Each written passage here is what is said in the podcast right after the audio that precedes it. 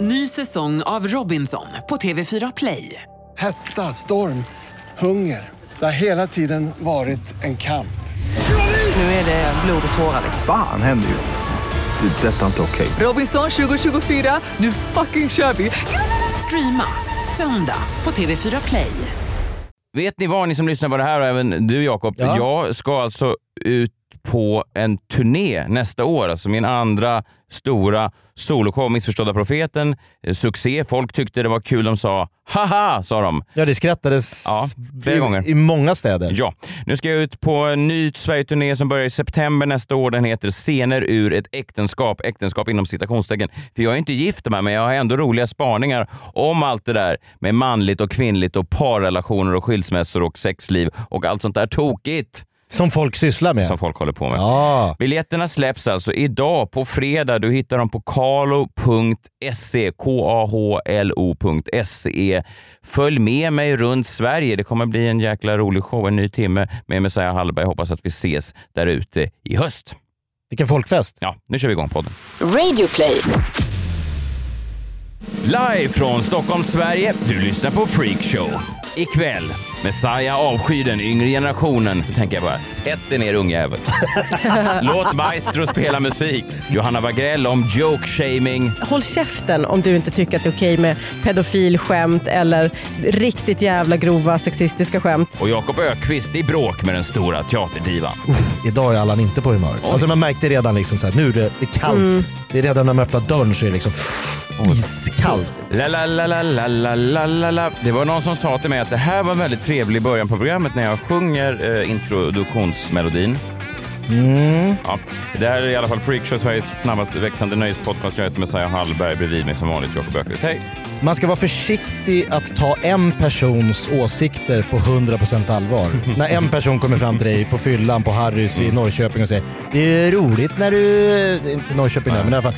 “Det är kul när du sjunger”. Ja, så Och du exakt. säger såhär “Fan, det här blir sång. Nu blir det sång varje gång”. Ja, jag kände det var exakt det jag gjorde. Ja. Ja, ja, men det är kul att, att ni är med oss, det är kul att ni lyssnar, det är kul att ni ger oss eh, positiva omdömen. Vi välkomnar tillbaka för tredje gången en av våra favoriter, Johanna Wagrell! Ooh, hej! Ja. Jiha! Är det tredje gången jag är här? Ja, det är det. Men nu vill jag gå. Först, Det, det är för mycket. Första gången var du här med din eh, make Johan. Just det. Sen sa någon, det var inte Det är det jag. jag har förträngt. Ja, det var en annan man i panelen som sa bort med honom. Ja. Eh, det var inte jag. Det var en annan eh, medlem i programmet. Och sen så får, har du fått komma tillbaka. Det är Ja, kul. kul. Ja, du är gravid har jag sett. Har Johan någonting Ja. med det här att göra? Mm, han är inblandad.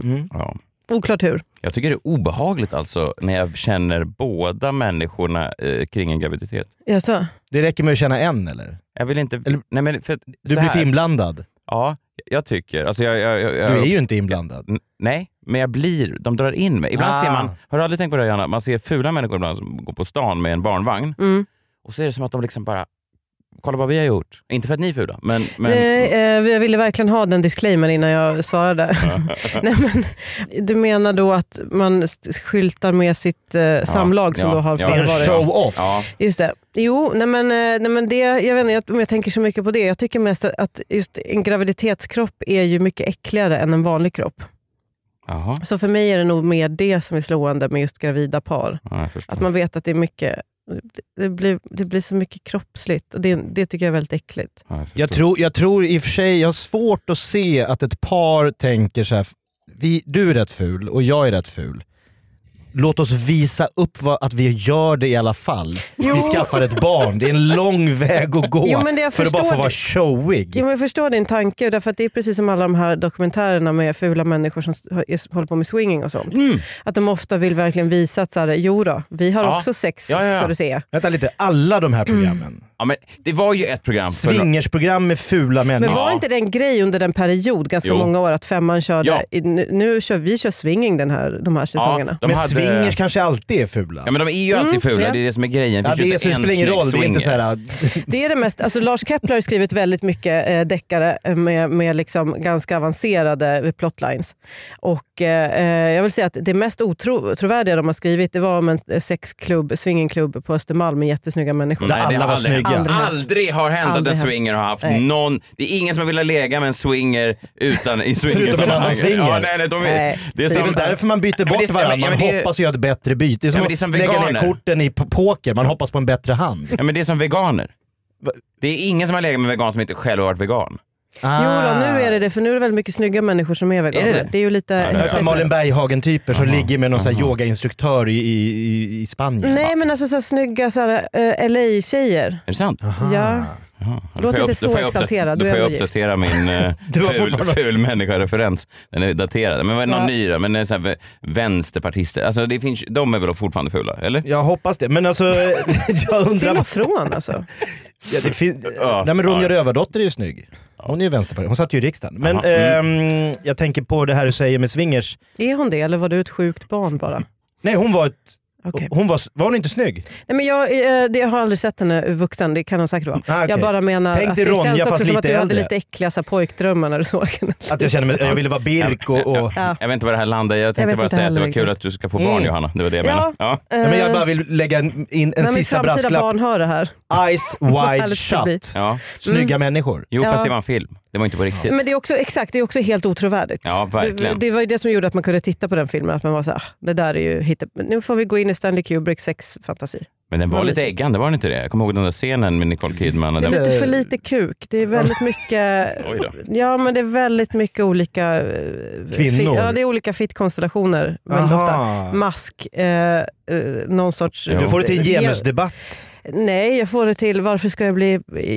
Liksom, jag blir inte så upphetsad av det då. Nej, Nej. Det är med det jag menar. Det är, Messiah får- däremot. Messiah, jag förstår att du blir det, det är ingenting jag ser Ja, ner på. Jag bara ja. menar att eh, personligen så kan jag känna, meh. Men vad Såklart. jobbigt att se Eyes Wide Shut och tänka jag ska börja svinga. Det här verkar lattjo lajban. Och så går man ner Ja. på någon sån här Norrköpings swingersförening. Mm. Herregud vad har jag hamnat? Förlåt, ursäkta. De som ser ut som Nicole Kidman, var hänger de? Vilket rum, får jag bara fråga. Nu har jag varit runt här ett tag och jag ser bara Berit, Lasse. Alla här jobbar på Försäkringskassan. Finns det något rum där Hollywood... Alltså det är väldigt många korta men i övrigt ser jag ingen likhet med Tom Cruise. Finns det något? Längden stämmer men Ja. alla är Allt annat är fruktansvärt fula helt- just i Ja. ansiktet. Finns det några som har andra ansikten man kan jobba med? Ja, jag vet inte, det var ett sidospår. Ja, Det är kul att du kom hit gravid och det första ämnet vi hamnar på är swingers. Ja men det känns skönt. Ja, bra. Let's not respect. Nej, välkommen hit. Tack. Jag tänkte ta med er till den Kungliga Operan den 8 februari 1999. Jag vet inte var ni var den kvällen, men jag satt klistrad framför tvn och hörde det här. Var, alltså jag har varit på väg att säga det tre gånger. Och jag måste nog säga det nu. Nej, Varför då? jag vet inte. Nej, du vet inte vad jag ska säga. Nej, jag vet inte vad jag ska säga. Jag tycker det är lite tråkigt med all sexism och utseendefixering. Nu, mitt lilla hjärta, är det så att Fantomen, Precis, förstår du, för min kom- inte mig du höll på kommer och att... Åh. Jag menar Bli det, arg. det är skit. Ja, hör du, hör du, hör du. Ja, ja, ja, ja, ja. Vi ska sluta. Maestro. Varsågod, gå och sätt er och lyssna på vacker musik från Håkapellet och Maestro Garide. Det här var Guldbaggegalan 1999. Eh, Loa Falkman och Alexander Dahlström. Typ 15 år gammal vid det här tillfället. Eh, hon tog emot en Guldbagge för eh, Fucking Åmål. Just det. Tiden var lite knapp och då fick Loa Falkman som var någon kontaktkonferencier gå upp och liksom, tysta henne. Mm. Mitt i hennes... Det var olyckligt att det var mitt i ett snack om att, att det ofta förminskades. Alltså jag tycker att det var, det var många, som, många som var olyckliga med det här. För det första att det blev så fruktansvärt pinsamt och att det delas så mycket att jag behöver lyssna på det så himla många gånger. att du får upp den här när, du, ångesten. när du började spela upp det, jag bara nej, Ah, nej, nej, nej, precis inte glömt Mm, ja. För grejen är att jag kommer ihåg att jag såg det här Ja. när det hände. Och, alltså, det har levt med mig som en ångest sen dess. För, för det första så tycker jag att det är jätte... Man fattar att de är så här, nej, nej, nej, nej, nej. Eh, för hon är, har väl säkert varit lite så här. Det kommer hända någon skit ikväll. Eh, Vad heter han, eh, regissören? Lukas Moodysson. Han hade ju på sig antlers Ja. eh, och var lite crazy. Ja. Crazy daddy. Eh, och då eh, förstår jag att de är lite såhär, men vi har ju jättetajt schema. Men hur kan man komma fram till att det där är det bästa sättet att hantera det på? Nej. Eller hur? Alltså Nej, man bara nej. tänker om man själv hade hållit det den kvällen så hade man ju kanske bara jättebra poäng men vet du vi har ingen tid. Vi, det här är verkligen något vi borde... Alltså säg något annat. Eller gå upp och bara... Eller sätt på musiken först. Sätt på musiken först så att det blir som att han går upp och räddar henne från att musiken går på. Inte tvärtom. Ni vet. Men det är så också otur lösa för Loa. Falkman att han är Loa Falkman. Ja, just där. En Han- äldre tenorherre Ja, som släpar kanske, ut av, en... av alla äldre vita män så är han kanske den som har mest reglar uppdragna på alla äldre vita män Och som säger nu lilla gumman. Ja, ja, det börjar är med. Han går inte in starkt och sen säger han bara, dumt. sätt en hel lista på fin musik. Maestro! alltså, det är så många uh, tangenter. Parametrar. Men sen är det också så här, igen, alltså Alexandra Dahlström är ju så här, hon är väldigt ung, har förmodligen Mm. druckit lite. Ja. Eh, och hon kanske har rätt i sak, men det är lite så här, Ja. jättebra grej. Helt fel forum. Mm. För då var det väl säkert att hon tänkte så här, äntligen lyssnar de på vad jag säger när jag Just får hålla mitt tacktal här på den här jättestora grejen. Det var lite det jag tänkte komma till. Det här är ju kanske den tydligaste generationsklyftan, det generationskriget som någonsin har skett inför eh, publik, Just det. eh, publik någonsin i Sverige. Det är väldigt tydligt två generationer som, Ja. som slåss här. Jag minns när jag såg det här så tänkte jag, fy fan, vilken jävla vilken gubbfan. Vilken sida va? var du på? Vilken gubbfan, tänkte jag. Du var Tänkte på du det? Ja, jag var 15 år. Sida Dahlström. Men shit, jag var 17 och jag tänkte, eh, jag tänkte verkligen så här, gud vad pinsam hon är. Väx upp. Är det sant? Ja, Ja, men det jag är var kanske en ju... efterhandskonstruktion. Jag kanske har konstruerat det här i Nej, men det, du minns nog rätt. Ja, det, Jag enda jag, den är säker på, det ja. enda jag är säker på nu i alla fall, Ja. och det är det här som skrämmer mig, att nu när jag hör det så tänker jag bara, sätt dig ner ungjävel.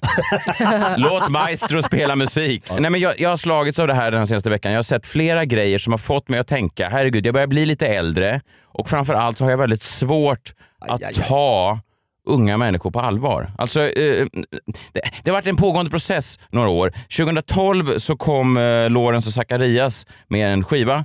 Jag gillar många låtar, men jag kunde liksom inte riktigt känna igen mig. Redan då kände jag att eh, det var för eh, ungt för mig. Vi kan bara lyssna på en refräng här så kan man bara höra att det är bra eh, musik. Texten kändes lite som att den redan då hade börjat springa ifrån mig. Okej. När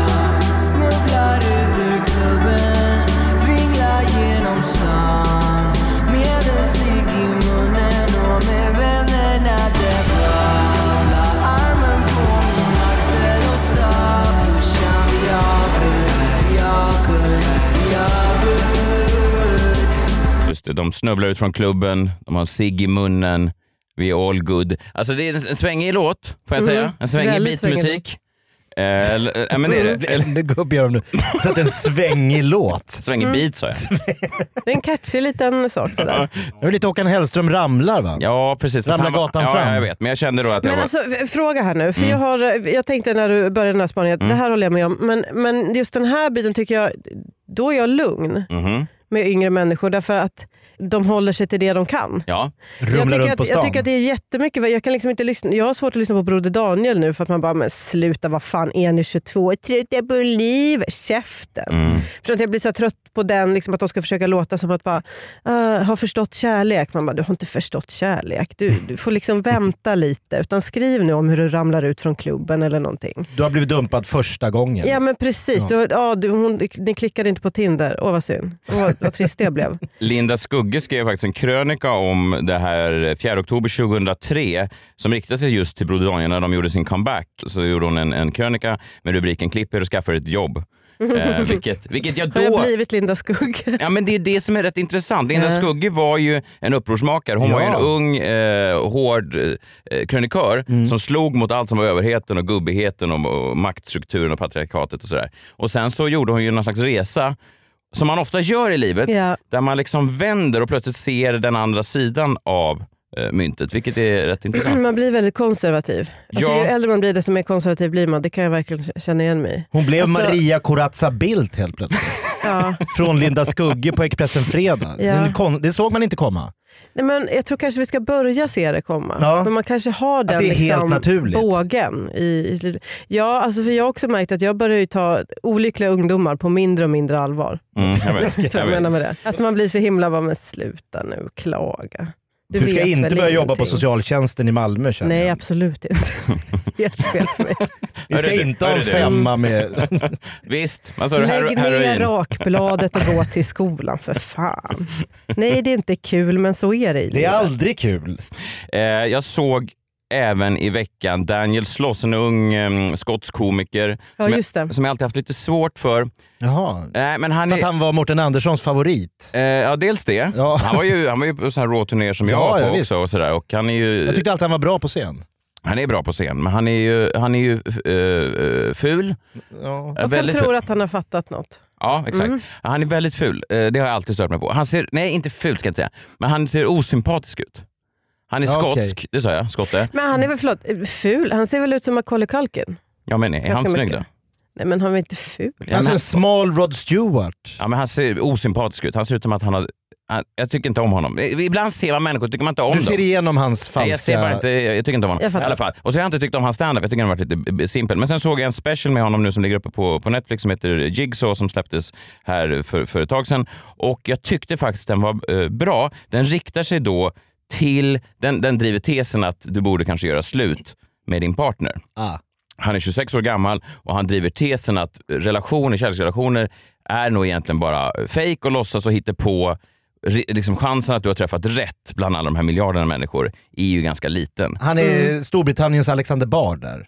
Eh, Bard tror ju inte heller på par, eller liksom här, den här... jag tror Bard bara tror jättemycket på sex. Ja, Ja. han- Fritt sex. sex behövs. Ja. Jag, tror, jag tycker inte de är samma referens. Ja, Okej. jag försöker slänga in referenser, på, för jag tror inte alla vet vem Daniel Sloss är. Nej, nej, nej, det är han inte. Vi ska väl spela lite av Ja. honom. Eh, men han, han går nu runt, efter den har släppts på Netflix, så går han runt och säger att den här eh, specialen, den här showen, den har nu splittrat 4500 par. 5000 par, Oj. 6000 par. Folk skriver till honom och har då sett den här 26-åringen berätta saker om livet och sen har de då agerat därefter. Vi kan lyssna lite på hur hans avslutning låter. Det här är någon minut eh, där han avslutar showen och då tar han upp lite det här med åldersaspekten. Det här är engelska, så Jakob Jag hänger med. översätter efter honom. The worst thing you can do with your life is spend it with the wrong human being. I understand there'll be a lot of uh, slightly older people in the audience listening to a 26 year old talk about his opinions on love and relationships and whatnot. And you're probably sat there going, Oh, Daniel, you're so young. You're so naive, you are. You're so cynical. No, you are. No, I know that, Daniel, because I used to be like you. I used to believe the same things when I was your age. I totally did. I used to be like, Oh, there's no such thing as love. And then I met this one, and we've been together ever since. And it has been a journey and it has been worked, but we loved each other, so we did work it. And I understand, Daniel, I know how, why you feel that way, but one day you will find it. You will find true love, and I can't wait for you to get it for yourself. If that's you, if that's how you feel, I hope you're right. Because I guess if you're not right, I guess if you're wrong, the only other alternative is that when you were my age, you were so terrified of being alone that you forced yourself to love someone. Nej, han kommer inte träffa någon. Starkt. Ja, det, jag tyckte det här var en väldigt bra show, den är sevärd. Men det enda jag kan tänka på är ju, även om han då bemöter kritiken själv. Jag är ju då, om jag hade suttit och tittat på det här, så är jag ju en äldre person i publiken. Jag är då, ja vad är jag, åtta år äldre än vad han är eller någonting. Och jag sitter och tänker på att du vet ju ingenting. Alltså du- han har gjort slut med en tjej. Och så bara, ja det finns ingen... Alltså, Det funkar inte, det här nej, men, funkar nej, inte. Men han- hans tes är lite såhär, ja men det skaver lite grann. Då är det över. Då är det, alltså, så bara, jo visst, fast det, du vet, det är allt jag kan tänka på och det stör mig att det är det enda jag kan tänka på. Ja, men det var då flera sådana här händelser efter varandra som alla tydde på samma sak, att det enda jag kunde tänka på var personens ålder. Och Det här nådde då någon slags kulmen kan man säga när jag försökte hänga med i det här stora poddbråket som har varit de här sista veckorna. Jag vet inte om ni har hört det? Vilka poddar? Det var ju då eh, Della Q i ena ringhörnan och lunch med Montelius i, i den andra. Riktigt sånt generationskrig. Just det, de har- går inte riktigt ihop. Nej, de går inte ihop. Den har inte jag hört. Nej, men, Men jag hörde att de var sura på dem i avsnittet förra veckan. ja, precis. Den ena säger någonting så lyssnar den andra och kommenterar. Och eh, Vi kan bara lyssna lite hur det har låtit. Det här är först då eh, från eh, lunch med Montelius och sen svarar då Della Q. Okej? Spännande. Ja, det är spännande. De kan fortfarande inte försörja sig på en lön! Era jävla kretiner! Det här, det här är ju då inte den sortens elakhet Kolla på Moa. som, Känner mig nervös. som jag Prata inte med mig om verkshöjd. Din Nej. dumma lilla f***. Ja, det var... Är det verkligen politiskt korrekt att säga kretiner? Nej, det kanske, du menar att det är som, väldigt- är det som efterbliven? Ja, ja det kan man väl inte säga. Imbecill, får man säga det? Ja, hon var väldigt upprörd hörde man ju. Ja, och det här Ja, andra var, där. ja, men sen sa ju då, de bipade ju för sig då, men var det Ja, det var också hårt. kvinnligt könsord? Ja, jag. Ja, det. Hon var väl arg där. Ja, hon var arg. Men det här var ju då, det här var ju då eh, intressant generationskonflikt. Eh, och sen så svarade då Martina och eh, Broders även eh, veckan efter. Och det här tyckte jag var ganska bra. Eh, det här var bara 30 sekunder. En masterclass i härskarteknik.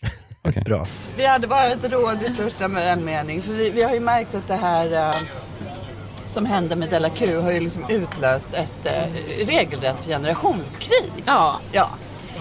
Vi ser vad det här är. Mm. Ja. Så kan det inte bara säga dumma mamma. Det, det går mycket fortare och sen bara frågar vi, men vart ska ni gå, vart ska ni gå? Ut säger ni då och smäller igen dörren. Det går fortare. Det var bara det. Och, och så, men ta på er mössa innan ni går ut, det är jättekallt. Det finns någonting med den där betoningen som de har det när jag man tycker- pratar jag tycker- om andra. Messiah.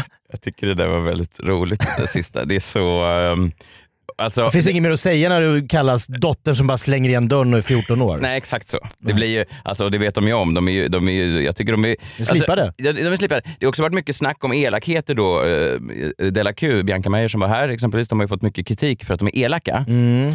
Och eh, det är ju roligt, de blir ju utelakade, om det är ett uttryck, av eh, Montelius. The mamas. Ja, the mamas. Det, det är svårt att eh, vara elakare än kulturtanter som skriker om kretiner och sen gör sånt mästar, eh, masterclass i härskarteknik. Jag tycker Mm. att det var... Ja, Det blir också så himla, det blir en så konstig diskussion. Därför att visst var det så att först blev de sura på något som de andra hade sagt som egentligen var lite misstolkat och inte riktigt hade med saken att göra. Och Då blev de skitsura på att de blev sura och sen garvade de åt att de blev sura. Ja, precis. Det är alltså det Det är var som ju en... någon eh, som blev sur först, Ja, mamma. Det är Ändå. ju, eh, det är, här är ju som någon slags uh, rap-beef. Alltså någon har sagt någonting i en låt för 12 år sedan och sen så kommer en ny. Vilket jag tycker om. Jag gillar den här stämningen. Jag tycker det är härligt. Det här är bara... Jag tycker också om det. Det är det jag gillar med typ Della Q. Så här, att det, för det finns någon sorts ständig strävan efter konsensus hela tiden som jag inte gillar. Nej. Men finns det inte en fara i att, eh, att podcasts eller överlag, så här, man, man, man börjar med att tycka någonting Mm. och sen ägnar man ett halvår åt att reda ut vad alla andra tyckte om det man tyckte. Jo, jag vet. Det blir diskussion, Ja. så blir metadiskussion om ja det här får man tydligen inte säga det här förbannade landet. Mm. Och det blir ju i sl- slutändan det så här, men fortsätt att säga det då. Du säger det i Ja, din men podd. fastnar man i den diskussionen så blir det jävligt gnälligt. Ja. Det håller jag med om. Det, alltså, det, det tycker jag generellt om hela PK-debatten. Bara lägg av för fan. Det är bara oklädsamt för alla som har en åsikt. Vad säger det om oss då, som är, det. som, är, som är tredje hand pratar om att två andra... Ja men vi ser ett fenomen, det är ju vårt jobb i Freakshow. Ja, ja, det är sant. Ja, men en sidopassus då, men, men, men jag eh, tycker Della Q är, är, är, är, som jag sa när Bianca var här, uppfriskande. Mm. Eh, De lades 90 minuter då i senaste avsnittet på att prata just en sån här metadebatt om vad folk hade tyckt om dem. Vilket jag tycker är härligt. Alltså, det är någonting jag hade Mm. kunnat gjort, lägga 90 minuter på en oförrätt och sitta och prata om det. Absolut. Man måste nästan det. Man måste rena sig själv. Ja, men och sen Ja. sitter de ofta och pratar om hur, hur... Det känns ibland som att det är 90 minuter där de alla tre försöker tävla i vem som är märkligast. Liksom. Mm. Vilket är någonting som man gör, som jag också är skyldig till ganska ofta. Och det är någonting som man gör framför allt när man är ung. Och det är det jag ska komma till lite längre fram. Att när man är ung så vill man så gärna bort ifrån det som Linda Skugge nu har hamnat i. Man vill bort från ekorrhjulet, man vill bort ifrån eh, sina föräldrars konventionen. Jag är ju väldigt förtjust i, ja, men jag tycker alla tre är bra. Jag tycker om hon Moa, hon som pratar alltså som att hon ruvar på en hemlighet. Hon viskar nästan. Ja, det tycker jag är fascinerande. Man undrar vad är det för plan hon har och när tänker hon avslöja den? Men Det är väl lite uppländska på henne va? Jag är också från Uppland. Ja, Man men- vi ja. släpar lite mer. Nej, fast det är någonting lite, Ah, alltså som att men hon det är för har, att hon får lite längre vokaler. Typ. Alltså hon ruvar på något, är det inte Eh, det? jo men det kan det också vara. Absolut. Hon har det gör man ju i något. Uppland. Man ruvar på grejer. Som en Bondskurk som Ja. vet hur Bond ska behandlas Ja, men han, i han, vill, nästa men han scen. vill inte avslöja det riktigt än. Ja, Mr Bond. Ja, så ja. Fast, ja. Det tycker jag är en bra podcast. Och Martina Montelius. Men jag tycker också att det är kul att man får vara, alltså att båda de här poddarna ändå eh, tillåter sig att vara eh, så elaka. Nu, Jag har inte uppfattat dem som så jävla elaka om jag ska vara helt ärlig. Men alltså att de vågar ta en, alltså en, en, en hållning. Mm, För men många- verkligen. För grejen är att eh, det är lite samma med Daniel Sloss. Att man blir så här. Nej, jag kanske inte hå- håller med hela vägen ut alltid, eller det kanske blir lite, eh, lite väl. Men det är ju där det är roligt, om man gör ner någonting fullständigt. Mm, det är då det blir kul. Men eh, just det här med Della Q och debatten om elakheter, den vänder de sig emot att de var elaka. Fast Mm. det är ju också lite konstigt. Alltså de är inte elakare än en vanlig podcast, men om man tar Nej. bort så att säga skämten eller satiren inom citationstecken eller vad man nu vill kalla det, så är det ju bara han och Amanda kvar.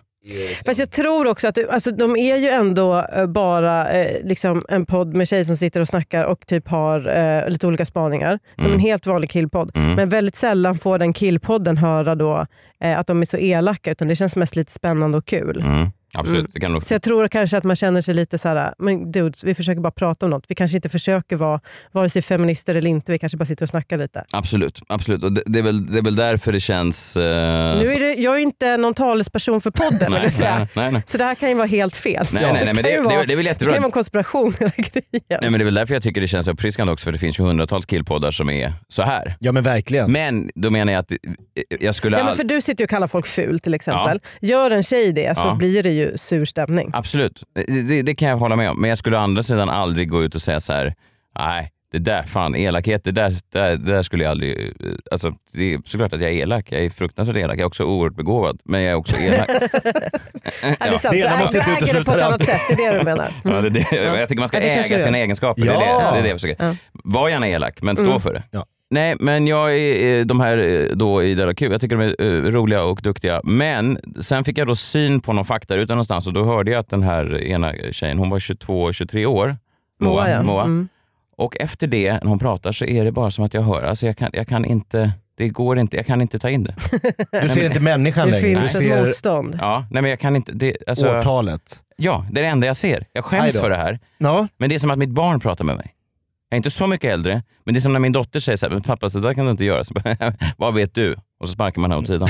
nej, men, jag, jag, jag, och det där är ju... eh, Alltså, Det är ingen bra egenskap från dig. Nej, jag verkligen Eller från inte. din sida. Nej, verkligen Nej. inte.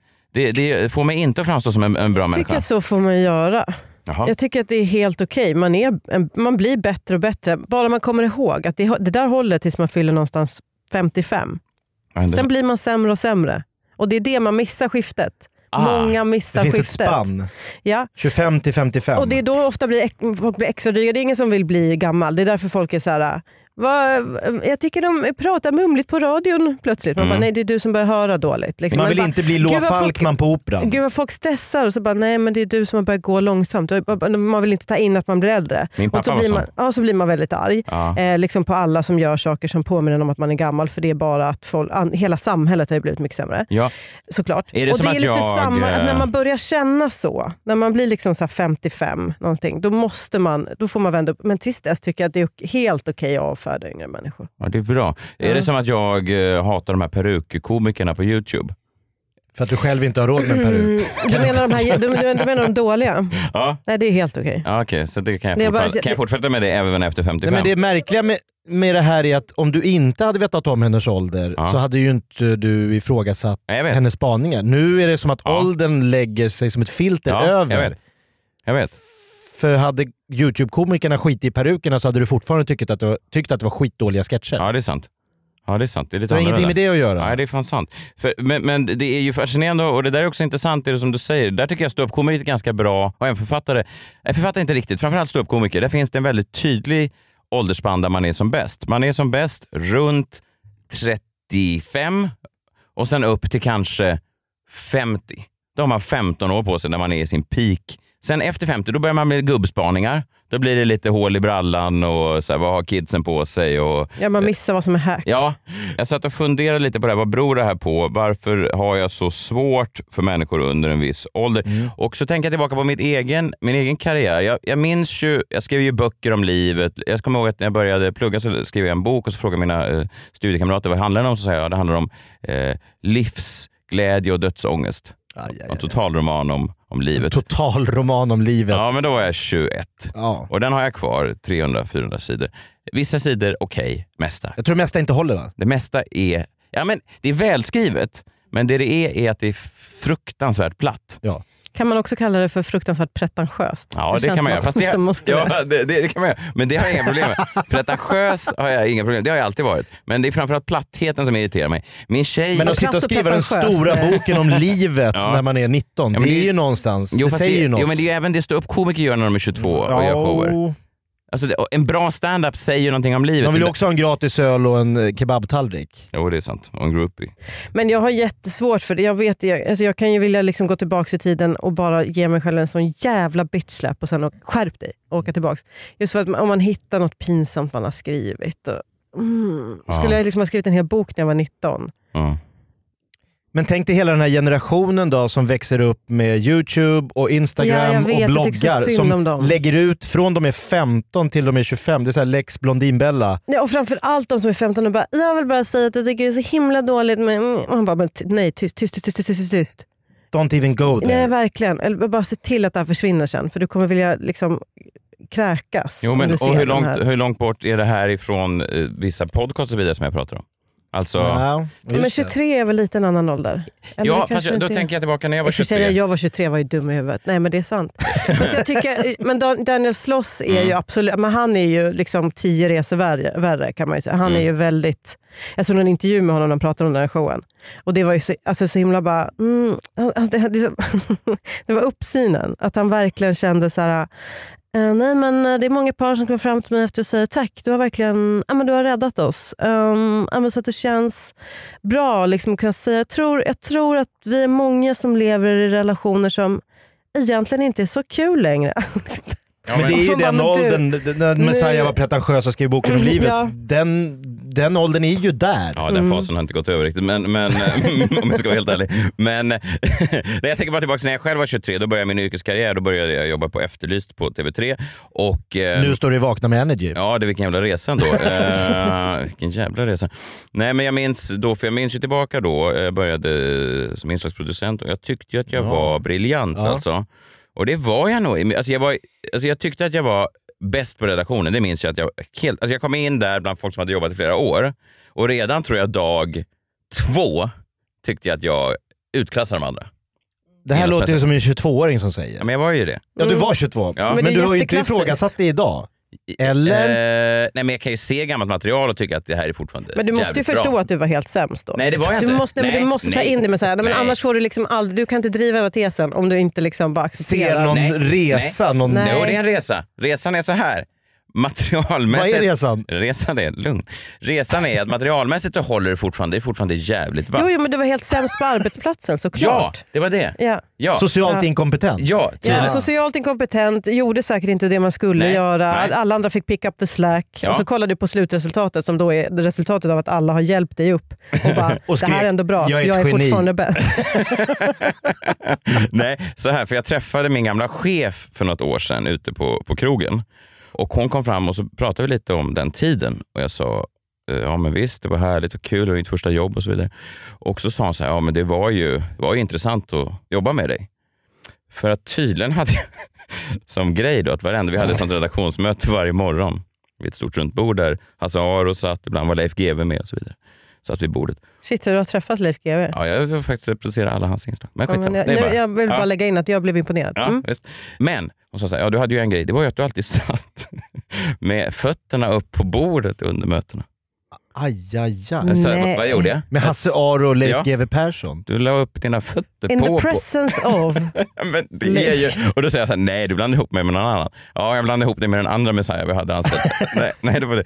Så att då hade jag tydligen suttit på alla sådana eh, redaktionsmöten med fötterna upp på bordet. Jävla respektlös. Ja, men så jävla vad man förtjänar en örfil. Ja. Och också liksom Leif helt... GWs käpp. Han borde Ja, ju rappat Ja, men- dig över men låret. också, men också bara att vetskapen om att jag satt där så jävla uppfylld av mig själv också och tyckte att jag var någon slags geni. Vilket jag då var om man tittar på slutresultatet. Ja, det var du ju. Men som Johanna också påpekar eh, att jag kanske då eh, brast, eh, hade brist, brister i andra... Brast eh, dina rutiner. Ja, eh, och, och sådär. Så, så att det är det jag menar. Man ser tillbaka tio år senare så, så var man kanske inte det. Men du var ju ung. Ja, jag var ju ung. Var det var första coolt att gig? du hade ett sånt jobb när du var så ung. Jag hade ju riktigt trista jobb i den åldern som jag var fruktansvärt dålig på. Eh, men jag trodde nog inte att jag var så bra på dem heller. Det är väl den stora skillnaden. Ja. Men jag tror inte jag förstod hur dålig jag var. Det tror jag verkligen inte. Nej. Alltså hur fruktansvärt. Magnituden. Ja, precis. Nej. Storleksordningen av dåligheten Mm. tror inte jag fick fäste riktigt. Men det finns ju en, det finns en aspekt, och tänker jag bara på det här poddbråket, att om man är då två kulturkvinnor som är, jag vet inte, de är någonstans mellan 40 och eh, 50, fem, jag vet, de är lite så, Ja, vad, var de hade blivit så provocerade av? För det, hade jag, det Nej, missade jag, jag, faktiskt. ja, men det var väl någonting med barnuppfostran eller någonting. Eller att de, så, Della Q har väl förespråkat att man eh, kanske inte behöver ha sina barn på förskola. Att det är bättre för barnen att vara hemma, vilket är komplett skitsnack såklart. Alltså det finns ju ingen statistik som påvisar det här också. Om man, är, om man går hemma med barnen för länge så blir man ju också en, en, en sämre människa. Ja, men när jag då undersöker det här fenomenet om, om hatet mot unga eller ifrågasättandet mot unga personer, då kan man alltså hitta det i alla kulturer nästan genom alla tider. Det finns liksom exempel på det här i europeisk historia, afrikansk, kinesisk, japansk Ah, eh, historia. Kan man hitta eh, varianter på det här som jag försöker liksom beskriva? Från 600 till 300 före Kristus, de gamla grekerna, de, eh, redan då när de skrev ner grejen, så höll de på att prata om att deras barn höll på, kunde inte eh, bete sig, de gick emot sina föräldrar, de tog de bästa sakerna vid bord, på middagsbordet och så vidare. Plautus, en eh, romsk playwright, vad säger man, en uh, pjäsförfattare. Det här som- är way back. Ja, det här är way back, Ja. också 185 före Kristus. Ja, han, han skrev då om en, eh, en son som han älskade och var ute med prostituerade och gjorde honom besviken och den här nya generationen eh, skulle då inte kunna hack it. Mm. Om man ser då i det prekoloniala Afrika, då var så, då fick du ingen respekt förrän du hade genomgått någon slags åldersrit och även efter det så fick du inte full respekt förrän du blev förälder. Mhm. Vilket jag tycker låter rätt lämpligt. Om man kollar i japansk historia så fanns det en japansk munk som hette Yoshida Kenko som på 1300-talet tyckte att den yngre generationen förflackade språket. Så liksom det här är väldigt vanligt förekommande. Och I mitt fall är det då inte riktigt att jag tycker att den yngre generationen saknar någon slags begåvning som de äldre har. Det är mer att jag inte kan ta dem på allvar. Det är liksom lite annorlunda, men det ändå följer den här långa linjen genom historien av hat mot de unga. Det är ganska Historien upprepar sig. Ja, en av anledningarna till att Mao Zedong startade sin revolution, det var att han tyckte att den här nya generationen, de var inte tillräckligt hårdföra. Alltså de kunde inte klara av... Förflackning. Ja, förflackningen. Jag tror ju att det har att göra med att man känner sig hotad. Väldigt ofta. Tror ni inte det? Att det är en sån gammal så här, urdjursgrej. Att det kommer Den en gamla ny- lejonhannen. Ja, precis. Blir utstött. Alltså lite så. Att man, kan, man, man känner... Jo, man känner sig en annalkande död också. Mm. Att man blir ersatt. Mm. Alltså det kanske, för när, just när det där allmänna agget, för jag kan ju mer vara så här, jag kan ju lyssna på vad någon ung säger men väldigt ofta, ibland blir det ju lite platt. Man får inte bli Lasse Åberg liksom.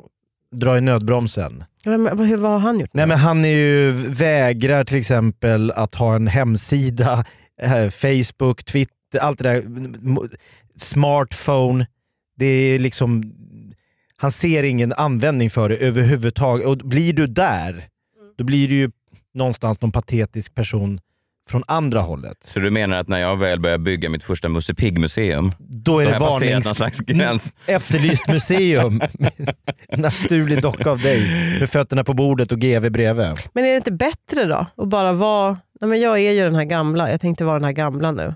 Eller är han det och säger att alla andra har helt fel? Att Man får inte bli en ens testat- 45-åring på skateboard heller. Nej precis. Nej, det är svårt. Det var en kille i USA som hette Ira Wolf. Eh, Han var 58 år när han 28 skrev boken Geeks, Geezers and Googlization. Och den handlade då om just det här att den här nya generationen var ju skit alltså. Han skrev mitt favoritkapitel där, det var kapitel 9. Det handlade just om den här nya generationen och han döpte det då lite sådär snyggt till The Dumbest Generation. Den dummaste Har ni generationen. tänkt på att de alltid leder i bevis också? Sådana. ja, men det, är väl, det är väl det, är det jag försöker göra här också. Jag vet inte hur jag lyckas. Eh, men då skrev han den här 2008 och eh, utmålade den nya generationen till eh, platta, enfaldiga och att de inte hade en ljus framtid eh, till mötes. Sen då läste jag vad han gör idag och då har han då eh, backat.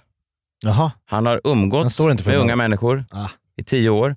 Nu 68 år gammal så säger han att i varje generation så finns det bra och dåliga människor. Att man måste kunna plocka russinen ur kakan. Det finns människor som redan i ung ålder är briljanta och man måste lyssna på dem. Man måste bara prata med dem på deras språk och så vidare. Och eh, därför så tycker jag att... Jag vet inte. Jävla idiot. Ja, verkligen. Jag Ja, men tycker, herregud, det, igen, man bara, men nu är det du som har den plattaste spaningen. Ja, verkligen, eller hur? Du bara, jo vi vet. du var exakt så. Mm, jo, nej, men vi vet. Men vad var fint att du skrev det på den här lappen som du har. Jag tänker ibland då, eh, folk som är äldre än mig, ser de mig på samma sätt? Tycker de att, att allt som jag säger är, är platt och, och tomt och utan substans? Och då träffade jag på Fredrik Lindströms julfest förra år. Jag var tvungen att säga att det var Fredrik Lindströms julfest jag var på. Då kom Kalle Lind fram eh, till mig. Kalle Lind som är någon slags studentpsykosförfattare. Inte studentikos, men han, han, Han är ett orakel. ett orakel var bättre Han kan sagt. allt om allt. Han kan allt om allt, det var bättre än det första jag sa. Han kom fram till mig Han och, är en kulturman utan de tråkiga konnotationerna. Ja, Så är det. Ja, ja men han är härlig. eh, också har podcast och hörs lite här och där. På spåret vann han va? Till exempel. Ja, skitsamma. Han kom fram och sa så här, ja jag hörde din intervju där i Värvet. Eh, Och så säger jag, ja, ja, ja visst tack, tack, det var kul. Det var viktigt att ösa sig Vi själv. börjar Och, med tack alltså. Det är ändå starkt. vad, vad menar du jag ska säga? Jag hörde din intervju. Ja. Tack. Men det kanske mer, man mer ska säga, jaha vad kul. Ja, det, men ja, du men du är börjar redan direkt, inne på det här kommer att bli en komplimang. Vad Ja. kul för dig. Jag gör mig redo för komplimangen och börjar med att tacka. Mm. Vad bra för dig. Det är väl lite konstigt om de kommer fram och säger, jag hörde din intervju. Tack ska du ha. Stort tack. Är det, varför är det konstigt? Det är som att sätta upp fötterna på bordet. Åh ligger- nej, jag har inte lärt mig någonting. ja, okej. Men då sa han i alla fall. Kul för dig Kalle. Nej, men då sa jag, tack, tack, stort, tack som fan mannen. Eh, du ska ha, Kulturmannen. Du ska ha stort tack, det ska du ha. Och så sa jag, nej men det är viktigt. Det är Han har såna- inte sagt, han har inte gett någon som helst fingervisning om att han tyckte att det gav något. Folk brukar älska den. Ja, det, ja. Ja, och så sa jag att det är jävla viktigt att ösa sig själv. Alltså. Att man hittar mörkret i sig själv och man öser ur det där och, Ja. och berättar kanske någonting om sig själv som också kan ge en större bild och måla upp en, en helhetsbild av livet. Inte bara utifrån mitt perspektiv utan från ett allmänmänskligt Vad perspektiv. hände med Kalle Lind då? Ja, då sa han så här. Ja, eh, och du mår bra annars? Eller är det eh, mest sån där gymnasial ångest? Va? Vad sa du nu? Vi skulle stannat vid tack, eller hur? Verkligen. Så du hatar unga människor, du vet Ja, det. precis. Jag tror att det är bra bara att någon talar om för unga människor att de borde lära sig att se sina åsikter utifrån och att tanken i alla fall slår dem att någon kanske har tänkt den här tanken innan dig. Just alltså det. att någon är där och bara call you on your bullshit. Jag har en eh, tjej, eh, någon slags eh, flickvän och hon sa på nästan alla våra första dejter, då var jag ju 23, 24 och då hade jag ofta sådana utläggningar. Ibland tog jag med mig min bok eh, faktiskt ut på dejterna, eller jag hade dem på datorn så jag kunde ta upp. Nej, Eh, stackars Kristina. varför det? Mm. Varför det? Nej men du hör ju själv. Jag läste högt, men vad menar du? Det Du väl... citerar dina egna briljanta Ja, men tankar. vad fan, det är väl inte konstigt? Man säger så här, Det är mig. Varför är det konstigt om jag har med mig datorn d- där jag har skrivit en bok? Nej, men det är som om du säger, jag kommer att tänka på ett väldigt bra citat som sades av mig faktiskt. Jag kan väl säga Titta mamma vad jag har gjort. Ja, ja. I alla fall, Ja. då läste jag kanske ett stycke ur min bok, som man gör som man på gör. en dejt. Ja, men, eh, varför är det men konstigt? nu- är det också jag konstigt? Jag hade gått det. därifrån direkt. Ja, skitsamma. Då läste jag någonting och det kom, kanske kom till någon sån här eh, fin konklusion och så var jag så här, och därför är det viktigt med kärlek i alla Och människors därför. liv. Ja. Och då sa hon alltid varenda gång så här, ja, ännu ett sätt att sparka in en öppen dörr. Nu tar vi förrätt. Vi på Freakshow samarbetar fortsatt med Läkarmissionen och deras kampanj emot könsstympning. Ja, och trots att könsstympning är förbjudet i, enligt kenyansk lag sedan 2011 så utsätts fortfarande många flickor. Det är en tradition eh, och efteråt så blir man firad med familj och vänner liknande studenten i Sverige. Det här låter ju helt sjukt och det sociala trycket är väldigt stort ibland och det är svårt att ändra en tradition som har pågått så här länge. Och det är det då Läkarmissionen försöker göra. De försöker bryta den här vanan, den här sjuka traditionen genom att visa unga tjejer att man behöver inte alls genomgå det här. Det här är ingenting som du måste göra genom att visa upp andra människor som har sluppit det här, undsluppit det här. Så att man visar då tjejer att det här är ingenting du behöver genomgå. Så hjälp Läkarmissionen med det här. Stoppa könsstympningen.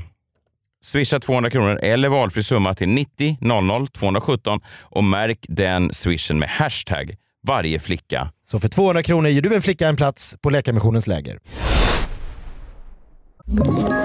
Ett poddtips från Podplay. I podden Något Kaiko garanterar östgötarna Brutti och jag, Davva, dig en stor dos skratt. Där följer jag pladask för köttätandet igen. Man är lite som en jävla vampyr. Man har fått lite blodsmak och då måste man ha mer. Udda spaningar, fängslande anekdoter och en och annan arg rant. Jag måste ha mitt kaffe på morgonen för annars är jag ingen trevlig människa. Då är du ingen trevlig människa, punkt. Något Kaiko, hör du på Podplay. Därför är gardinerna. Alltså förlåt, men det, det här kanske blir lite stand-up-runkigt. Det är inte meningen. Men jag har verkligen tänkt på att det har blivit så jävla mycket joke-shaming på sistone. Mhm. Eh, ni vet, bara, "Eh, men inte, det var folk på SVT som var sura på Jonathan Unge, Mm. hade något pedofilskämt. Mm. Och ni vet, så, Mm. Oftast är det ju pedofilskämt Mm. som får piss.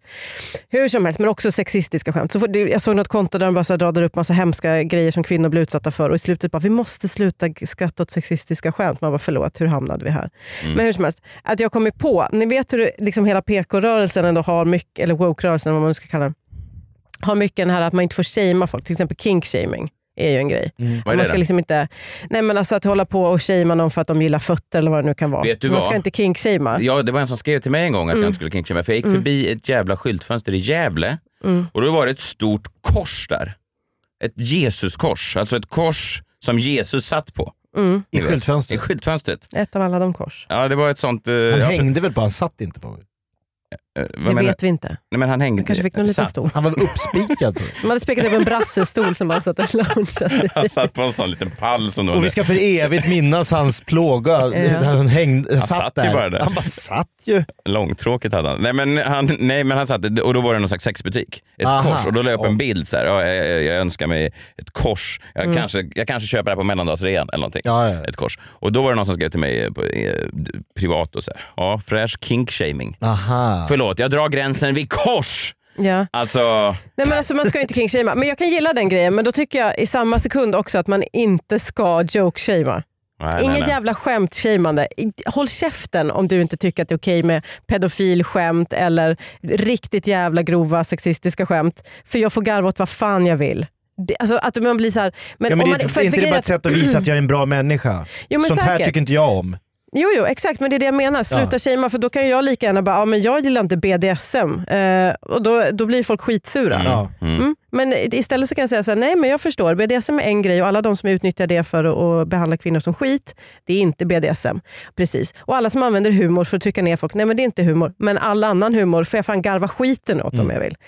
Enough with the joke shaming. Ja, jag läste Eller det. hur? Ja, jag verkligen, jag läste om det där med Jonathan. Jonathan Unge och då var det eh, någon eh, retorikexpert som hade uttalat sig eh, på sin... Eh, De är så Ja, de, ja, de gillar att uttala sig, Mm. retorikexperter. Ofta dåliga på att läsa av undertoner och sånt där. Men Mm. då hade de uttalat sig om just det här Jonathan Unge-grejen och eh, så hade de dragit någon referens till det här som hände då på den här eh, Guldbollsgalan. Eh, Ni vet den här kvinnliga Ja, fotbollsspelaren, norska som fick eh, Ballon Kan du d'Or. twerka eller Ja, kan du twerka hade då en fransk DJ sagt till henne när hon hade fått pris som den första kvinnan som världens bästa fotbollsspelare. Mm. Och kan du twerka? Och så har han sagt så här, ja precis, det är ett exempel på ett eh, dåligt skämt Mm. och ett annat är då Jonathan Unges pedofilskämt. Och då har man ju ingen som helst förståelse för vad skämt är och man lägger heller ingen värdering eller man, har liksom inget, man ser inget värde i vad en komikers uppgift är. Man kan inte jämföra en dum, korkad jävla fransk morgonprogramledares eh, sexistiska spaning på en fotbollsgala med en, en av Sveriges främsta komikers eh, skämt som han har då jobbat fram på scener hundratals gånger för att Men framhäva. alltså att en gör ner en annan person på en scen, Mm. det är en grej. Ja. Och att man skämtar på en standup-scen är en annan grej. Det borde det här vara är olika friska grejer. frivilliga med. Ja. Sluta bara. Det kommer ingen till skada. Man får inte hålla på med det här jävla... Men det kan ändå leda till att nej, för vi kan inte hålla på med så här eh, indirekta eh, offer. Nej. Det här blev ju en väldigt, eh, vad ska man säga, ungdomlig men också självrunkig grej. Men alltså, jag blir så jävla trött på att det sitter folk och ska vara så här, allt är PK, förutom det du gör. Det du gör, där eh, kan vi shamea. Mm. Enough. Vi pratade lite om jobb vi har haft tidigare. Jakob, du har ju berättat den ena historien efter den andra genom åren eh, som du har haft, alltså olika jobb. Då. Och Det går ju ibland som det går. Ja. Det måste man ju säga. Ja, verkligen. Det gör man ju alltid det här Upp och jobbet. ner, upp och Men ner. jag bara undrar, har ni, Johanna Messiah, någonsin jobbat med en människa? Det är ett personlighetsdrag som jag försöker hitta här. En människa som genom bara sin närvaro på en arbetsplats påverkar samtligas humör på den här platsen. Absolut. Alltså de smittar av alla i rummet. Menar du negativt eller positivt? Det beror ju på vad de är på för humör. Är de på bra humör så är alla på den här arbetsplatsen på oerhört bra humör. Mm. Men om den här personen råkar den här dagen vara på dåligt humör, då ända ut i foajén på SVT så är det dålig stämning. Mm. Så en person som förändrar temperaturen på hela arbetsplatsen. Ja. Eh, jag vet, jag har inte haft så mycket jobb. Jag tänker att jag är en glädjespridare i mångt och mycket. eh, men jag vet inte om jag påverkar så många. Det är en dum fråga att ställa till en narcissist, han har ingen aning. Det är ingenting, ha, det är ingenting Hasse Aro har sagt, att när Messiah var på bra humör, då, då visslade vi alla på Efterlyst. Nej, Men när nej. Messiah vaknade på fel sida, då satt till och med Leif GW och skakade. Nej, nej. nej, jag Nej, för jag kom ju med ett oerhört starkt självförtroende till ett jobb. Har någon av er gjort eh, det här fantastiska... Det kan jag känna igen. Har någon av er någonsin haft yrket publikuppvärmare? Mm. En gång. Har du det? Ja. Oj, På vad? För Svenska nyheter. Men, eh, Man går alltså in före kamerorna slås på och ska Ja. få värme i rummet. Mm. Oerhört förnedrande. Eh, Nej, inte förnedrande ska jag inte säga. Jag, bara det, är ett nej, ska säga, det är oerhört otacksamt. Det är otacksamt men också, ja, och så är det ju, eh, ja, jag tycker nog jag gillar det, alltså all, all typ av stand-up som sker på en premiss som inte är ni är här för att se mig Mm. är ju inte så kul. Nej. Nej. Eh, jag kommer ihåg att jag en gång eh, hade en jäkla mm, märklig agent som sa så här, jag ska dra lite trådar. Du kommer kanske få värma upp Globen inför Idolfinalen 2014. Och jag sa, Jösses. det låter eh, spännande. Han sa, det här kan bli ditt break. Inte jag- på riktigt väl? Jo. Oj. Och jag- Vi gjorde det? Nej, nej, det sen visade sig att han bara ljög. Han ljög om mycket, den mannen. Aha. Eh, så att jag gjorde aldrig det. Det kanske var tur i efterhand. Jag tror inte det där blev Ja, min det stora break ett- också. det Jag har gjort det jobbet. Okej, ja, då jag. Då går vi Fast några år tidigare. Jaha, okej. Nej, men min arbetsuppgift var när Idol åkte runt på de här hockeyarenorna, när det blev en så här stor arenaturné. Då fick jag, arbetsuppgiften var få stället att koka innan du påar Peter Jihde. Ja. Det var liksom arbetsbeskrivningen. Ja, ja, det är en bra... Få den här iskalla hockeyaren, hockeyladan i Karlstad att fullkomligt koka och bubbla och sjuda. Sen släpper du på Jihde. Jihde behöver ju inte en kokande lada. Nej. För det Nej. första. Nej. Fråga. Eh, hur gör man det? Alltså då får man ju vara så här pepp. Det, bä- det är inte bättre att skicka fram någon som kör lite låtar som alla kan sjunga med i? Det är ju faktiskt kanske bättre att ta upp en kille med en gitarr bara Mm. och köra lite allsång. Ja.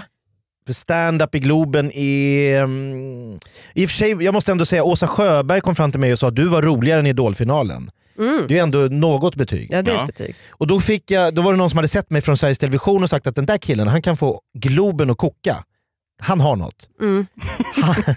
Han ska Mm. få vara publikuppvärmare för Svensson Svensson.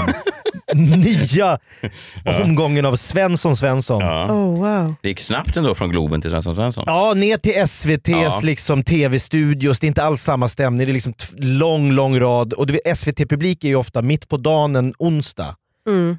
Det är ju folk som inte har jobb då. Nej, det är ofta folk som kanske... Har tid över. Man skulle kunna hitta dem på olika swingersklubbar kan jag tänka mig. Det är inte omöjligt. Nej, De har bara placerats Nej. ut det så det finns ingen Ja. möjlighet att väcka döda säger man. Mm. Och Det är lite samma sak med ehm, den här publiken. Jag, jag kände jag fick lite ångest för att jag skulle vara publikuppvärmare för Svensson Svensson. Jag sa, sa, sa det, jag kan göra det ihop med någon. Och då visade det sig att jag och Björn Gustafsson valdes ut att göra det här tillsammans. Oj. Eh, Så jag och Björn delar, vi kör varannan dag. Eh, jag kör första dagen och det är, du vet, det, man kämpar, man sliter, man Mm. hå- håller på. Och jag hör att det, det är liksom lite bråkigt backstage. Det, det skriks och det, det är dålig stämning. Och någon som vrålar mitt under mitt gig. Men de sa bara skit i det där, bara fortsätt. Och sen är det Björn som kör andra inspelningen. Och Sen ringer de från mig från produktionen och säger att du, vi, vi kan inte ha kvar Björn Gustafsson. Nähä. Nähä. Han är inte tillräckligt likable. och då blir jag lite såhär, vänta lite. Är det något Björn Gustafsson är? Både jag och Björn kör väldigt mycket energi. Så att Mm. vi, vi och liksom god göteborgare och jag sprang runt och high-fivade och satt lite och intervjuade folk och hit och dit. Det låter inte så mycket som stand-up. Det, Nej, det är inte så mycket stand-up. Springer runt och Ja, stand-upen, jo men stand-upen glömde, fick jag ju skita i. Ja, Ja, jag- men det är lika bra. Ja, jag får ju vara liksom så här, som om att jag har barnkalas för Mm. mina barn. Men var du lite känd då? Hade ni gjort Stockholm Jo live? men Stockholm live har gjort, jag tror kanske någon säsong av Vakna med The Voice, kanske gick, ja jag kommer inte Men då får jag ett samtal, för då, då sparkar de Björn, då ska jag göra alla gig. Aha. Så Björn får inte vara kvar, för han är inte tillräckligt likable.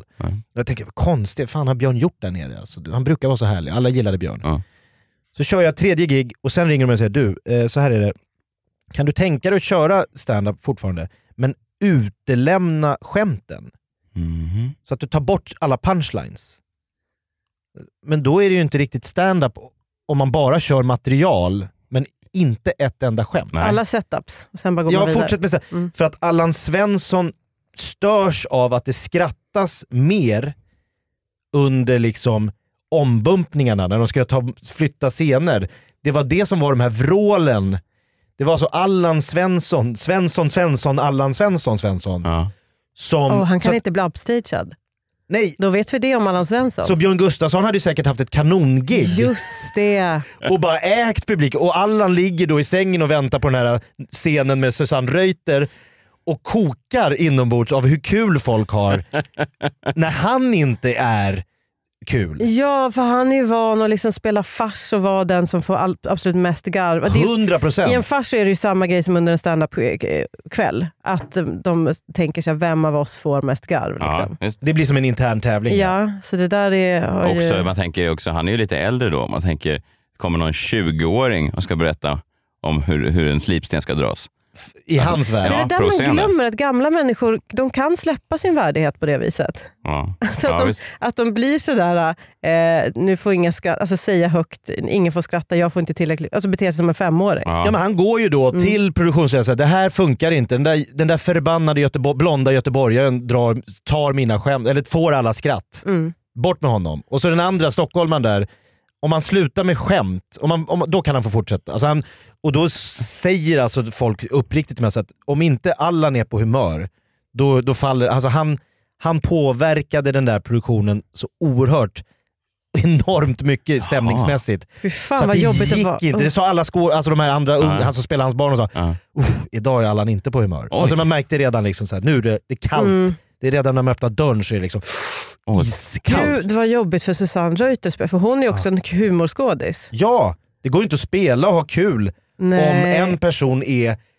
piss, på pisshumör en dag. Liksom, och, och Eller går och alltid känna att han inte bjussar en på att få det största garvet om man typ har en replik som borde få. Och, och det roliga, mina skratt, de kommer ju inte in i rutan. Det är inte så att Svensson Svensson förlorar på att det skrattas, för de sa vi tar mycket av de här skratten och lägger sen och sockrar programmet. Så skratten från publikuppvärmningen var viktiga för att när de inte fattade skämten i sitcomen Just så kunde man bara ta liksom Mm. mitt skratt. Väldigt smart. Så. Mm. Men det var ändå hårt att de sa att Allan var tydlig med att den här göteborgaren, han, är, han är för rolig. Den andra killen, vi kan ha Funkar. kvar honom. På en not, men att han slutar vara rolig. Ja, det var inte riktigt det han sa. Han Nej, sa, han är halvkul. Vi kan tona ner hans halvkul. Han är bättre för produktionen, för det blir inte alls samma Sköna, stora, härliga, varma stämning.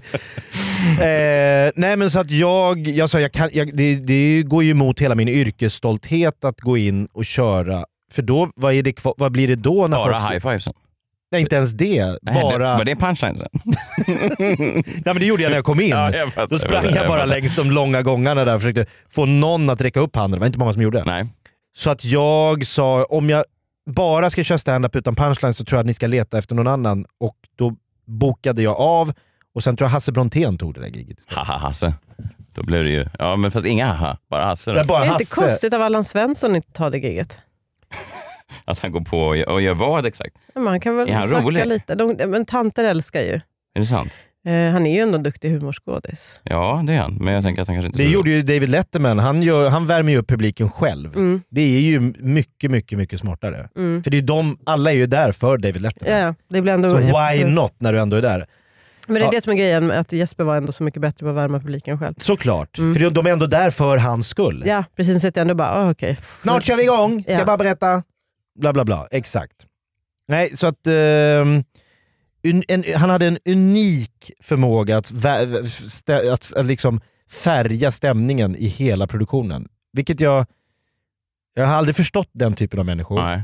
Men någonstans kan man ju ändå avundas den kraften de ut... Ja, då måste jag, det, Micke Persbrandt lär ju vara en sån. Borde Eller vara. hur? För Ja, han är väl en verkligen. sån som går in i ett rum och så bara stannar det lite. Ja verkligen. Har man ju hört. Ja. Jag har faktiskt aldrig träffat på honom. Nej, nej inte jag Varför heller. skulle jag ha gjort det Nej, nej, nej, nej. Nej, men jag tänker om man sitter på, typ, på något ställe och kä- det känns rimligt att han skulle kommit in någon gång. Ja. Alltså att man inte är med kanske i situationen men i rummet. Ni är ju båda har ju varit med. Jag, vet- Petra Mede sa väl till och med öppet att det var lite för jobbig stämning backstage i parlamentet ibland för att hon skulle palla. Hon tyckte det var för mycket rivalitet. Lite där du snackade om, skäm, vem skrattar mest? Mm. Vem vann den här kvällen? Röda blåa laget. Hon trodde bara att det här är en rolig produktion, det här ska vara kul. Mm. Men så märker hon, shit, folk tar den här tävlingen på fullt allvar. Folk var arga efteråt om någon hade fått högre skratt. Mm. Så hon sa det där tyckte inte hon var kul. Sen har hon kommit tillbaka i efterhand och sagt att nu är det bättre stämning. Men Mm. att det var väldigt liksom, vassa armbågar under en tid. Eh, kanske före er tid också. Ja, men det, det, ja, det beror så mycket på vart man är själv säkert. Det där, ni vet. Självkänslan. Ja, Mm. om man känner sig nervös eller om man skiter lite i det. Alltid bättre att skita i det. Ja, Eller typ. skrika som Allan Svensson. Energi är nyckelordet där. Energin är Det var den jag bjöd på under Svensson Svensson och i Globen när jag skulle få så hela Globen att koka och sen säga jag ger er Peter Jihde.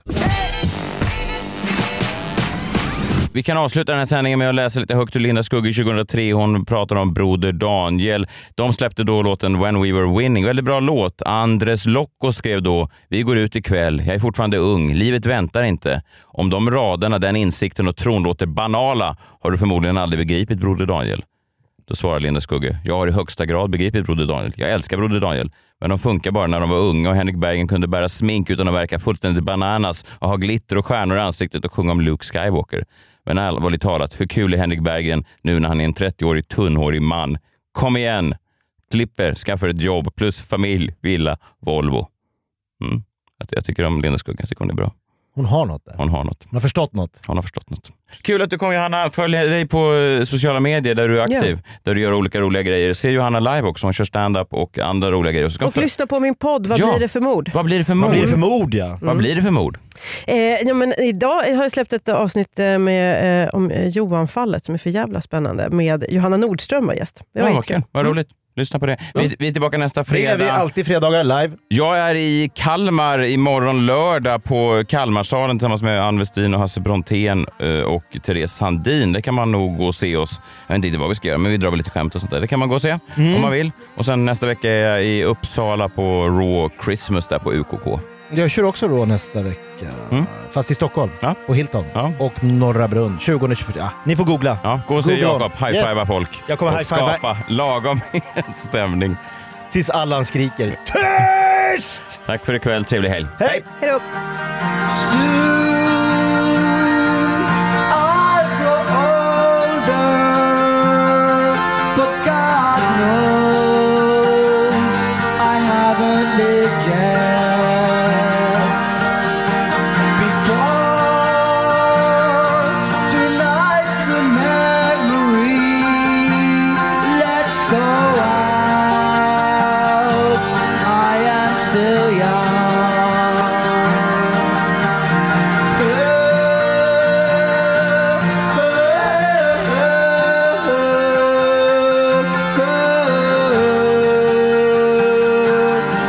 大声